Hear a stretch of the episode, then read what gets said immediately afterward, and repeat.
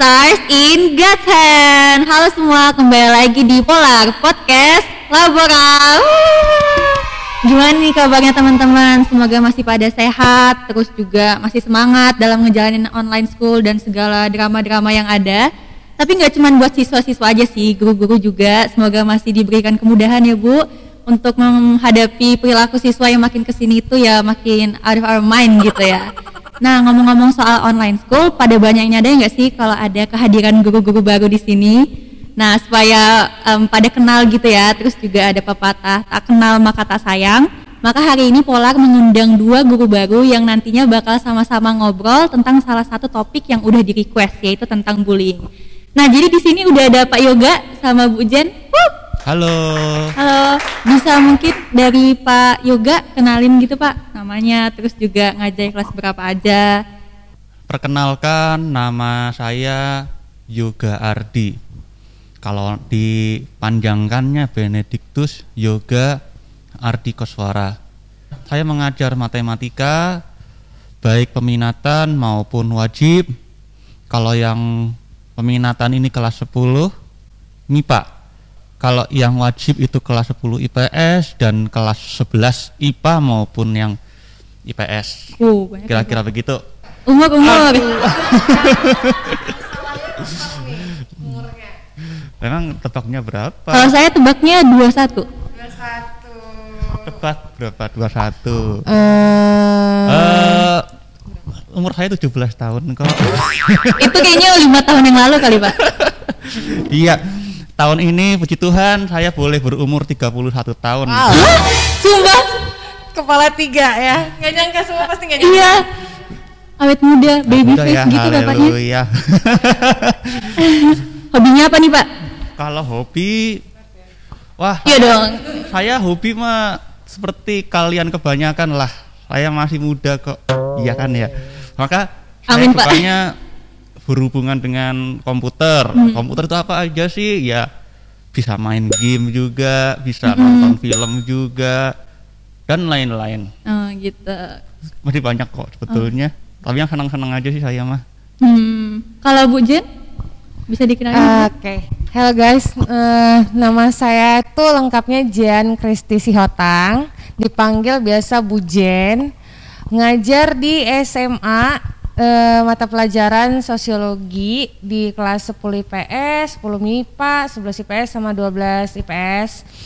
Terus membantu juga di SMP guru kewarganegaraan kelas 8 dan kelas 9 juga wali kelas ya 10 IPS ya. Terus apa tadi? Hobi nih hobi. Umur dulu deh umur. umur. Puji Tuhan masih kepala dua pak, kepala tiga kayak bapak masih kepala dua, umurnya 27 eh beda berapa tahun kita? Tiga tahun ya? 27 hobi Hobinya adalah scroll-scroll Tokopedia sama Shopee masukin ke troli tapi belum Hobinya tentu BO berarti belanja online. Tapi belum belum tentu dicekotin ya, tinggal nyari siapa nanti yang mau cekotin. Oke oke oke. Gimana nih kabarnya Pak Yoga sama Bu Jen? Masih sehat Bu? Puji Alhamdulillah. Tuhan belum kenalan sama COVID. Oh iya. Udah vaksin dua kali juga. Udah- udah Nah, vaksin? Semua guru kayaknya udah vaksin ya dua kali. Hmm, Nah, gitu. Kami semua guru sudah vaksin. Ya, yang jelas kami sehat-sehat saja lah dan kami siap mengajar kalian nanti kalau offline. Nah, oke oke. Nah, tapi sebelum kita masuk ke topik bullying nih teman-teman, kita bakal kenal-kenalan dulu dong sama guru guru barunya ini. Boleh, boleh. Silakan. Jadi Pak, untuk pertanyaan pertama nih, sebelum jadi guru di OL, itu kuliahnya di mana? Terus jurusannya apa? Kalau saya eh saya berkuliah di Salatiga ya. Salatiga itu Jawa Tengah. Kalau belum tahu Jawa Tengah mana, buka petanya. Ayo. Iya, di Salatiga di Universitas Kristen Satyawasana. Saya masuk tahun 2008 dan lulusnya tahun 2015 sempat tertunda beberapa waktu ya karena ya banyak hal faktornya. Kemudian pekerjaan pertama sebelum saya mengajar di Ora et Labora, saya mengajar SMP sebetulnya. Saya guru Oh, SMP lebih eh, lebih lama daripada di SMA. Saya mengajar di SMP sudah kurang lebih 3 sampai 4 tahun lah kira-kira ya. Benar-benar. gitu di kota Pamulang Oh kota Pamulang. ya di Pamulang sana dan sekarang dipromosikan Tuhan nih saya boleh di SMA Orang Ah, Laburan nih puji Tuhan nih Jurusannya apa pak? Ya. Di waktu kuliah. oh saya pendidikan matematika jurusannya Oh pendidikan. jurusannya eh, fakultas keguruan ilmu pendidikan ya yang jelas ya Mm. tetapi kalau prodinya ya prodi pendidikan matematika Baik baik Gitu. baik. Kalau Bu Jen? Kalau saya kalau nih? ditanya soal kerjaan banyak banget ya. pasti semuanya halal. Oh iya. Ya, pasti semuanya Puji halal. halal. Puji Tuhan. S1 saya di UPI Bandung, Universitas Pendidikan Indonesia, jurusan Pendidikan Sosiologi ya linear. Terus sambil selesai S1 saya sempat kerja di bank. Tapi nggak lama karena kayaknya bukan passion ya Oh, depan iya. komputer terus kayak ngitung-ngitung. Iya benar. kan Terus nggak suka matematika ya jadinya Iya. nggak hafal duduk bank nggak Iya awet kok bisa sih?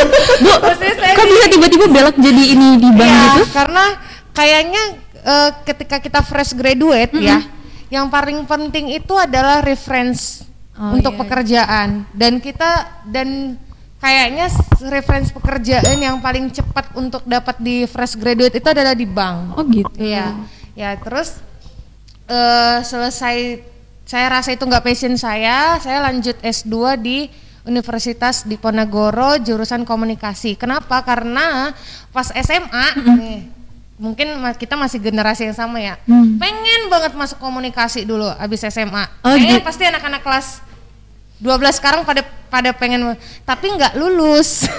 Gitu. Jadi mungkin saya eh, ambisiusnya masih ada, pengen belajar komunikasi, jadi masuk di S2 komunikasi. Sambil S2 saya itu part time. Oh. Part time jadi apa Bu Jen? Jadi resepsionis hotel. Jadi Wow. saya kerja eh, dari jam 6 pagi sampai jam 1 atau jam 2 siang terus lanjut kuliah sampai jam 8 malam ya Hmm. bisa jadi motivasi buat teman-teman sekalian. Terus selesai S2 saya sempat jadi lecture dosen di Sekolah Tinggi Ilmu Ekonomi di eh, kota saya. Pernah juga ngajar SMA di Pasundan 8 eh, di Sekolah Pasundan di Bandung. Lalu sekarang di OL. Wah, keren banget bu, banyak banget bu. Kalau saya nambahin cerita, Heeh. ya Boleh, Pak. waktu saya kuliah itu memang sih betul apa yang disampaikan Bu Jen ya. Orang kalau sudah lulus kuliah itu yang dipikirkan pertama survive, Mm-mm. survive di dalam dunia eh, kita. Karena saya sadar bahwa saya itu jauh dari orang tua gitu kan. Dan saya sadar bahwa orang tua itu tidak selamanya bisa mensupport kita baik dana maupun waktu. Jadi saya harus survive, harus mandiri. Bagaimanapun caranya saya harus bisa gitu kan ya. Nah, ada sedikit cerita pada waktu saya kuliah di semester akhir itu saya benar-benar kehabisan dana uang ya untuk melanjutkan. Makanya saya sedikit terlambat di sana. Hmm. apa yang saya lakukan pada waktu itu? Saya benar-benar mati-matian itu. Mati-matian apa? Banting tulang cari uang bagaimana cara menutupinya. Yang saya lakukan banyak seperti eh, pertama-tama pertama kali itu adalah les jelas ngeles. Dari dulu sampai sekarang kalau saya dapat les itu pasti anak SD sama SMP jarang yang namanya SMA atau SMK Mm-mm. gitu kan. Nah itu les yang pertama. Tapi nggak tahu kenapa kok sepertinya kurang berjalan dengan baik gitu kan ya. Akhirnya cari lain cari lain. Investasi. Wah investasinya macam-macam eh, investasi dolar lah apa namanya forex Kripto, iya. Nah, saya Forex tahu ya? Tahu, tahu, saya tahu. Nah, saya belajar tuh bagaimana cara membaca teknikal grafiknya dan lain sebagainya. Wah, Tuh, tapi ya juga tidak aduh susah. kenapa tuh? Enggak, emang. Susah, emang susah, emang susah bangkrut deh. gitu ya? Cepet. Tapi saya pernah mengalami eh apa ya? menginvestasikan 200 ribu rupiah tidak sampai 20 menit saya pernah berubah jadi 200 dolar pernah nggak nyampe 5 menit saya pernah mengalami itu tapi setelah itu saya stop karena tingkat stresnya tinggi Oh iya, karena kan grafiknya iya kan turunnya cepet gitu. Nah, Siap. setelah itu pernah saya jadi operator warnet Wah, karena saya sukanya game ya. Saya main game online tuh banyak sekali dulu. Eh, terus jadi operator nggak tahan satu tahun karena tekanan batin. Karena kalau di warnet itu kebanyakan orang-orangnya udah kayak binatang semua. oh jadi Tahu nggak? Maksud saya. kasar gitu pak Iya kalau Tangannya. kalah sampai Oh, iya, iya, meja, iya. sampai kalah ada yang naik meja dan Waduh, ngeri juga ya?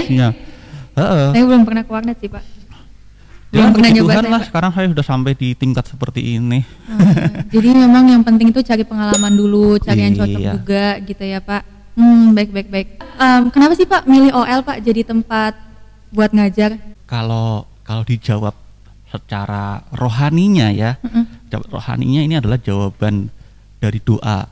oh ya. gitu Ketika saya eh, ketika saya tahu ada orang labora membuka guru baru, ya saya berdoa Tuhan hampir tiap hari sih saya. Tuhan kalau emang adalah rencana Tuhan, mudahkanlah saya boleh ada di sini. Tapi Ah. ternyata emang dari semua sekolah yang saya eh, apa ya ajukan lamaran gitu ya, ternyata emang Tuhan maunya saya di sini. Oh. Gitu. Jadi saya pilih-pilih ini aja. Gitu aja. Tapi kalau kita kalau saya menjawab secara yang lain ya karena strategis gitu aja. Strategis. Dekat dengan ya idaman hati lah.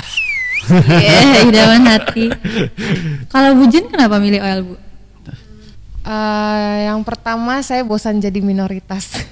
Kenapa tuh maksudnya Bu jadi minoritas? ya, saya pengen mengabdi di suatu lembaga pendidikan yang dia memiliki visi misi. Kita apa dong? Crits Chris Stars in God's Hand. God's hands ya. Jadi saya ingin bekerja sambil juga berdoa. Waduh. Berdoa sambil bela- bekerja. Nah. Sama kayak Oraet Labora. Oh, Apa gitu. tuh arti Oraet Labora? mantap Apa arti Oraet Labora?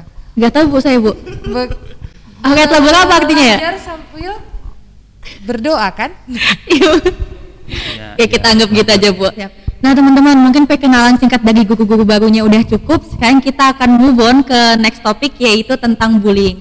Nah pasti teman-teman tuh udah pada familiar banget sama yang namanya bullying karena itu adalah bisa dibilang suatu tindakan kekerasan baik itu secara verbal maupun non verbal atau yang sekarang lagi tren tuh cyberbullying gitu deh.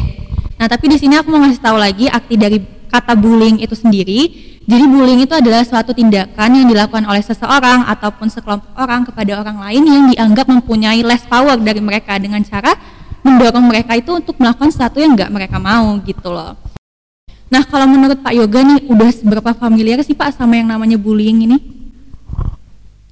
Eh, pengalaman saya di apa ya menanggapi bullying ya bullying. itu emang terjadi sih ada ya seperti di pengalaman saya ada anak yang seperti itu melakukan bully itu ada.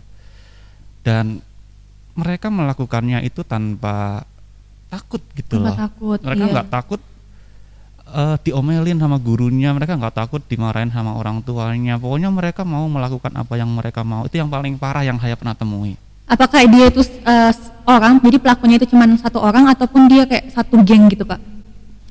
Ada yang perorangan, ada yang berkelompok sih kalau saya lihat. Terekam di CCTV, Oh, gitu. terekam di CCTV saya pernah melihat di CCTV. Itu kelompok kalau saya lihat. Oh iya. Satu orang nendang-nendangi, nendang-nendangi orangnya. Oh, jadi secara anaknya, fisik gitu "Uh, ya, ya Pak? ampun itu fisiknya luar biasa. Tapi kalau secara verbal eh, omongan gini ya banyak lah. Banyak banget ya pasti Pak. Banyak. masuk kategori cyberbullying gitu. Kalau Bu Jenny, em, Ibu pernah nggak sih menghadapi kayak semacam perilaku bullying ini entah itu ada siswa yang jadi pelaku ataupun siswa yang jadi korbannya gitu?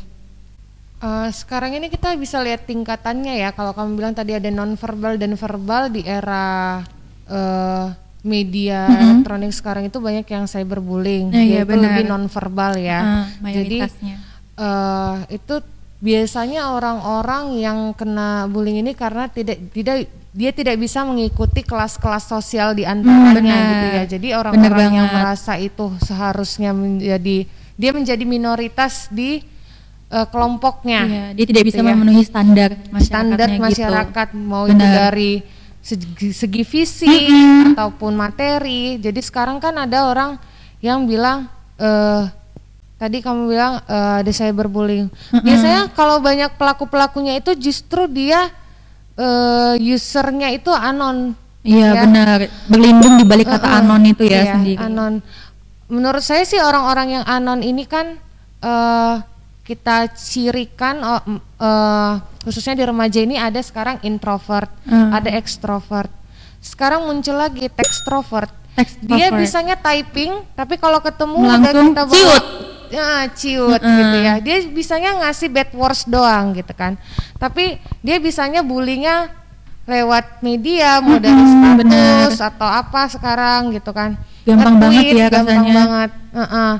Banyak sih kalau apalagi sekarang udah ngajar di SMA itu banyak, lebih banyak ya. Hmm, benar.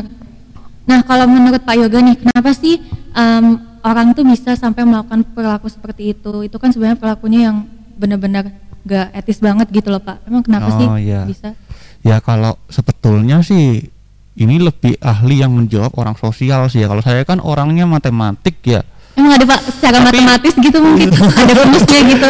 iya kalau kalau saya sih ya kalau saya sih kelemahan saya emang di bagian sosial tapi saya punya bagian kelebihan saya di bagian kerohaniannya ya jadi saya menanggapinya di bagian rohani aja ya Oke, boleh nggak nggak apa-apa Pak. Ya udah. Kalau misalkan ada anak yang melakukan eh, seperti itu Mm-mm. kalau menurut saya itu karena orang anak ini itu sebenarnya tidak mempunyai sosok untuk yang dikasih sayangi tempat dia Oh. berlindung.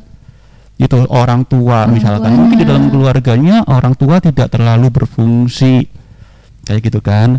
Biasanya kan anak itu memerlukan apa sih namanya belayan kasih sayang lah dari ayah Benar, dari ibu. Banget. perlu perlu yang namanya dipuji juga perlu yang namanya diakui juga. Tempat sebagai anak bercerita. Tetapi karena enggak ada ya pelampiasan anak itu ya ke orang lain selain yang di rumah. Bisa jadi begini eh, anak ini di rumah mem- apa yang mendapatkan perlakuan yang eh, tidak sepatutnya orang tua lakukan. Misalkan memukuli Mm-mm, ya benar. kurang mem- apa memukuli anaknya dimarahi fisik terus gitu. padahal udah berusaha tapi dimarahin dan kayak gitu kan itu kan sebenarnya secara psikologi juga kan tertanam di dalam bawah sadar mereka di sini Iya. kan Mm-mm.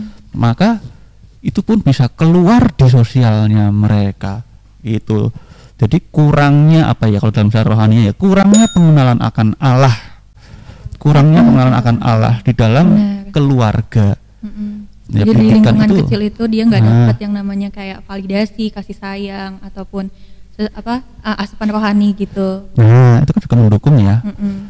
itu secara rohani ya begitu nih saya rasa itu dulu deh coba gimana tanggapan yang lain nih ahli sosial Iya coba kalau kalau misalnya Bu Jenny ada nggak yang mau disampaikan dari segi sosial mungkin? Oke, eh kalau kalian semua belajar sosiologi, kita tahu manusia itu makhluk individual, kebutuhannya itu berbeda. Apa kebutuhan saya dengan Pak Yoga dan yang lainnya itu pasti berbeda. Itu harus kita sadari bahwa kemampuan, kebutuhan orang sudah berbeda dan manusia yang otonom, dia memiliki eh, hak untuk memilih akan sesuatu ya dan manusia sebagai sosial eh, makhluk sosial ya membutuhkan satu sama lain untuk memenuhi kebutuhan hidupnya. Tapi jangan diper- eh, dilupakan kalau manusia itu basically homo homini lupus adalah singa bagi manusia lainnya. Jadi bersaing. Satu dengan yang lain bersaing saya dengan Pak Yoga bersaing dalam mungkin dalam karir pekerjaan atau apa pun. Tapi persaingan yang diinginkan itu adalah persaingan yang sehat. Jika Benar. kalau menggunakan bullying untuk menjatuhkan orang lain misalnya ya itu kan salah satu cara cara cepat mungkin. Dia kan pasti tidak kalau dia nggak bullying saya misal eh, satu anak nggak bullying anak A anak A dengan anak B bersaing itu tidak akan berarti ada perbedaan. Ada yang tidak dimiliki si B gitu yang diharapkan si A. Makanya dia melakukan tindakan bullying misalnya ya. Hmm. jadi harus menurut saya sih bullying-bullying sekarang ini adalah karena adanya kesempatan yang tidak sama atau kompetisi. Ya kompetisi dia merasa dirugikan atau yang lain. Jadi bullying yang diinginkan di sini eh, diharapkan orang yang mengalami bullying ini sebagai menjadi motivasi. Ada loh orang yang dibullying itu jadi Oh termotivasi gitu Bu. ya kan? Eh, untuk lebih lebih dari eh, sebelumnya Oke. gitu ya. Jadi ketika kamu dibullying, jadikan itu untuk motivasi kamu untuk lebih baik lagi. Benar-benar. gitu. Oke nih, terakhir nih Bu dari pertanyaan soal topik bullying ini, apa sih dampak yang bisa dirasain si korban itu baik secara uh, psikologis ataupun kayak dari luarnya gitu? Tadi kan kita udah dengar dari sisi yang gimana sih orang tuh bisa ngebully gitu. Sekarang dari si korban nih, mungkin siapa nih, Bu Jen? Eh, kalau eh, untuk victimnya sih korbannya itu harus berani speak up ya. Nah. Sekarang udah banyak kok, misalnya eh, media yang bisa dipakai untuk speak up atau komunitas-komunitas tertentu. Udah gitu makin ya. aware ya sama Aware. namanya cyberbullying gitu. Betul, gitu ya. Eh, jadi untuk korban bullying yang menjadi merasa dirugikan ya, merasa dirugikan ini harus pertama dia harus bisa aware sama dirinya sendiri, Benar. berani speak up. Kalau di sekolah kita punya apa? Punya BK, Oh, benar. ada BK. Kita punya BK. Kamu punya harus punya teman. Benar. Jadi anak yang senang sendiri ya karena kamu berada di sekolah lembaga lembaga pendidikan formal ya bukan private school. Kamu harus berteman Benar. ya. Ketika kamu punya teman yang lain, kamu ada benteng ya.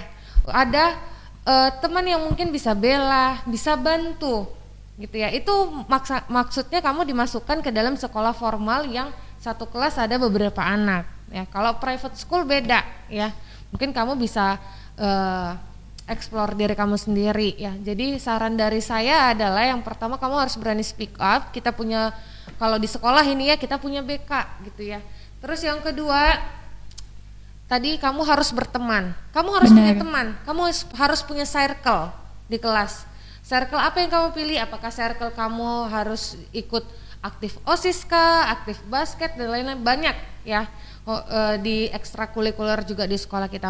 Eh, saran dari Ibu itu aja. Iya, kalau dari Pak Yoga nih? untuk anak yang kena korban Bali ya bully Bullying. Bali. Heeh. Ah, buat saya saya sih berpesan ayo jangan terpuruk. Ya jangan jangan kalah dengan intimidasi orang lain. Karena kamu yang kena bully itu sebetulnya lebih besar kok dari mereka. Cuma kamu nggak menyadarinya saja. Mm-mm. gitu kan ya. Dan eh, kalau emang kamu nggak sanggup carilah orang yang kira-kira bisa menemani kamu dalam hidupmu. Ya bukan bukan artinya mencari pacar bukan. Tapi carilah orang mungkin kakak rohanimu atau gurumu atau orang tuamu atau sahabatmu deh. Ya ceritakanlah. Seenggaknya kalian punya teman betul apa yang seperti katakan Bu Jen Mm-mm. ada orang yang mau menemani hidupmu. Hmm. gitu. Kamu nggak kamu nggak lemah kok. Kamu kuat cuma kamu belum menemukan saja. Ya, itu sih dari saya. Oh iya bagus bagus banget bagus. Terima kasih Bu Jen sama Pak Yoga. Mungkin itu aja dulu buat podcast hari ini. Ingat terus ya teman-teman untuk selalu jaga pergaulan apalagi dalam memilih teman. Jangan sampai kalian itu terjerumus ke dalam pergaulan yang menormalisasikan perilaku bullying ini dan juga buat teman-teman yang pernah ataupun sedang berada dalam posisi korban sebisa mungkin untuk cari sandaran untuk bercerita entah itu ke teman, sahabat atau kata Bu Jen bilang ke guru BK, orang tua ataupun jika diperlukan itu ke tenaga ahli profesional. Karena kasus ini itu bisa jadi serius, bisa nyerang mental kamu, fisik kamu dan cerita kamu sebagai korban itu juga berhak buat didengarin gitu. Terima kasih Bu Jen dan juga Pak Yoga yang mau datang jadi guest hari ini. Eh, buat teman-teman yang punya saran untuk next topik, kalian bisa langsung DM Instagram sc.ol dan juga podcast ini adalah program dari kita dan untuk kita. So buat teman-teman yang punya pro, eh, usaha kecil-kecilan gitu dan butuh tempat untuk promote your products, kalian bisa langsung juga kontak IG sc.ol buat kirimin barang juga bisa bayar seikhlasnya kalian aja gitu. Oke? So that's all for today's podcast. Aku harap kalian selalu jaga kesehatan, selalu patuhi protokol kesehatan juga, dan jangan lupa bahagia. Have a nice day. Dadah.